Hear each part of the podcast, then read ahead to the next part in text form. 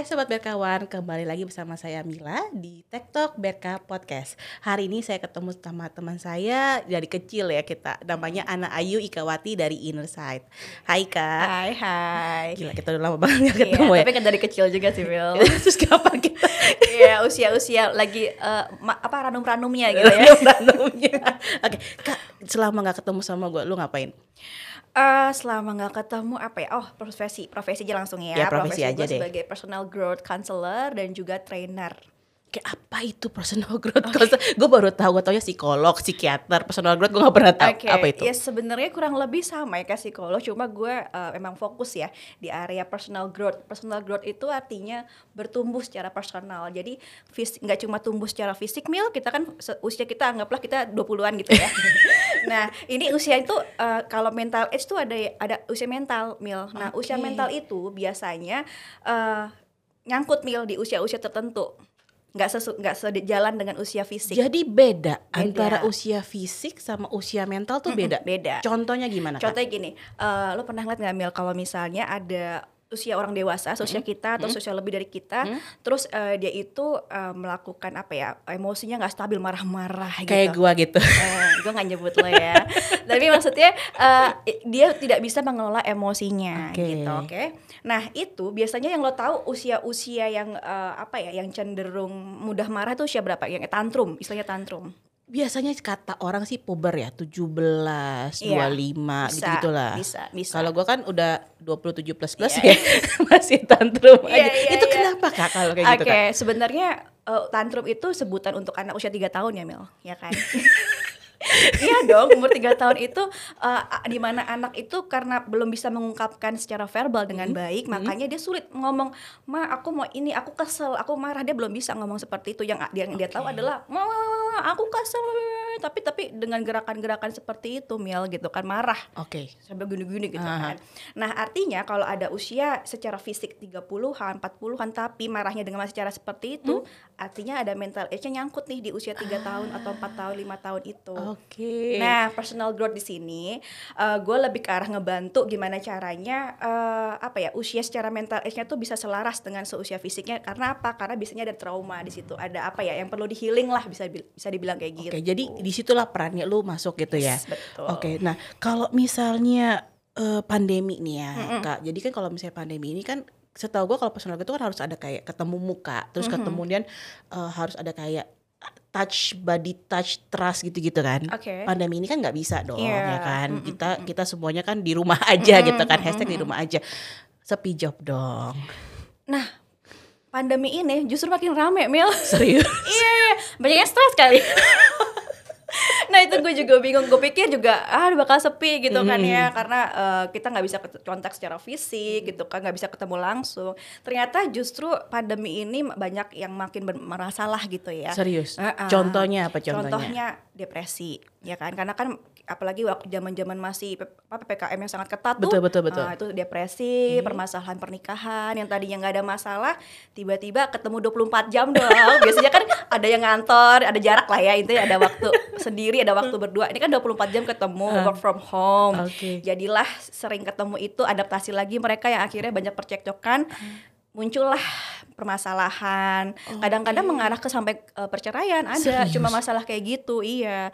Nah, itulah makanya banyak banget bantuan-bantuan ya kayak psikolog, personal growth kayak aku gini. Terus itu eh, banyak banget datang seperti itu masalah kayak gitu. Oke, terus gimana nih caranya nih? Kan kalau online counseling itu gimana caranya? online counseling jadi eh, pastinya pakai seperti biasa ya via Zoom ada Google Meet dan sebagainya dengan menggunakan itu. Nah tadinya aku pikir juga aduh gimana nih ya counseling menggunakan ini? Kayaknya kurang serak gitu ya kayak kurang pas. Ternyata setelah dijalanin lumayan mil memang nggak seefektif pastinya dong ketemu offline ya Betul, pasti betul. akan berbeda ya nah yang pasti eh, dengan online ini setidaknya membantu lumayan sangat membantu eh, proses dari eh, counseling itu sendiri Boleh tolong ceritain lebih detail gak? Karena kan gua kagak kebayang gitu ya. Counseling tuh yang gua tahu kan kayak webinar, terus Iya. eh, training gitu kan, terus misalnya kayak meeting. Kalau counseling tuh gimana kalau online? Kalau konseling, konseling artinya ya udah kayak kita ngobrol-ngobrol gini, Mil. Oh. Eh. Jadi konseling itu sebenarnya kayak ngobrol-ngobrol aja kayak gini nih, sobat berkawan, apa berkawan. Jadi eh apa? Jadi tuh uh, ngobrol kayak biasa aja. Jadi jangan bayangin kalau ketemu psikolog, ketemu uh, siapa pun lah yang bergerak di profesional kayak health kayak mental health kayak gini menakutkan gitu ya. Padahal cuma ngobrol-ngobrol gini, tapi kami membantu untuk menemukan nih masalah akar masalahnya tuh apa sih? Kok bisa sampai semerumput ini gitu. Karena kami membantu di area itu gitu. Ngobrol-ngobrol gini aja Mil. Nanti aku nemu oh ini ada masalah di area ini, ada masalah di area ini gitu okay. sih. Nah, kalau ini nih sekolah napas Indonesia mm -hmm. atau seni apa apa itu? Oke, okay, kebetulan selain aku counselor juga, aku juga lagi sama teman-teman yang kebetulan mereka adalah practitioner dari breathwork. Breathwork itu adalah salah satu metode self healing hmm.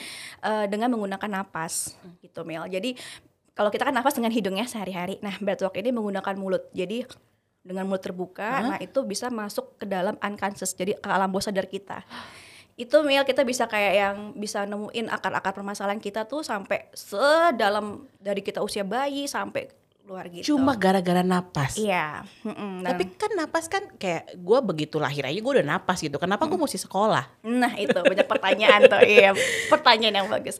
Jadi memang uh, justru itu kadang kita nggak menyadari bahwa sebegitu pentingnya nafas kita nafas ada gitu tapi kita nggak sadari hmm. makanya pentingnya uh, di sini apa ya mindfulness tadi mil kan uh, sempat kita bahas ya sebelum ini -huh. tentang mindfulness jadi coba deh kalau nafas disadari gitu kan artinya oh ini uh, bersyukur ya gue masih bisa dikasih nafas gitu kan itu satu. Oh, okay. Nah juga uh, ketika kita nafas dengan mulut nanti lain lagi mil kalau nafas dengan hidung hanya untuk relax kan sadar okay. kita relax tapi uh. kalau mulut itu bisa masuk healingnya di situ karena bisa masuk ke area alam bawah sadar. Wow, gitu. segitu gitu. powerfulnya gitu yeah. ya iya. napas ya sadis. Mm -mm. Nah, kalau misalnya nih um, sekarang kan yang lagi happening Ika udah sempat ada depresi, ada yeah. gangguan uh, perkawinan dan segala macam. Nah, mm kalau contohnya nih kalau misalnya gue datang ke tempat lu nih ya ke yeah. uh, inner side gitu ya, mm. gue datang ke inner side dan gue bilang gue depresi, itu gue diapain kak? Jangan dong, jangan sampai depresi ya. Oke, okay, kalau depresi diapain ya? Oke, okay.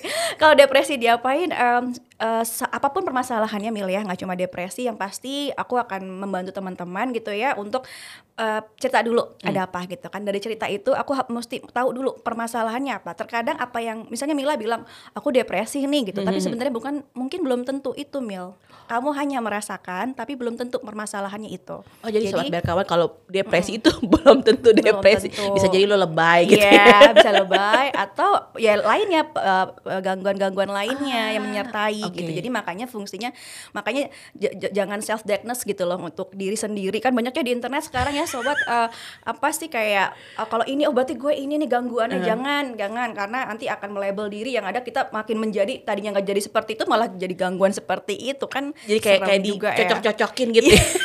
iya, kayak cocok-cocokin gitu kan serem ya. Jadi lebih baik ke datang ke profesional memang yang lebih ahlinya jadi tahu gitu loh sebenarnya masalahnya tuh apa. Nanti akan dibantu di situ. Oke. Nah, kalau hmm boleh sedikit ya, jangan di charge ya gini nih ya kan.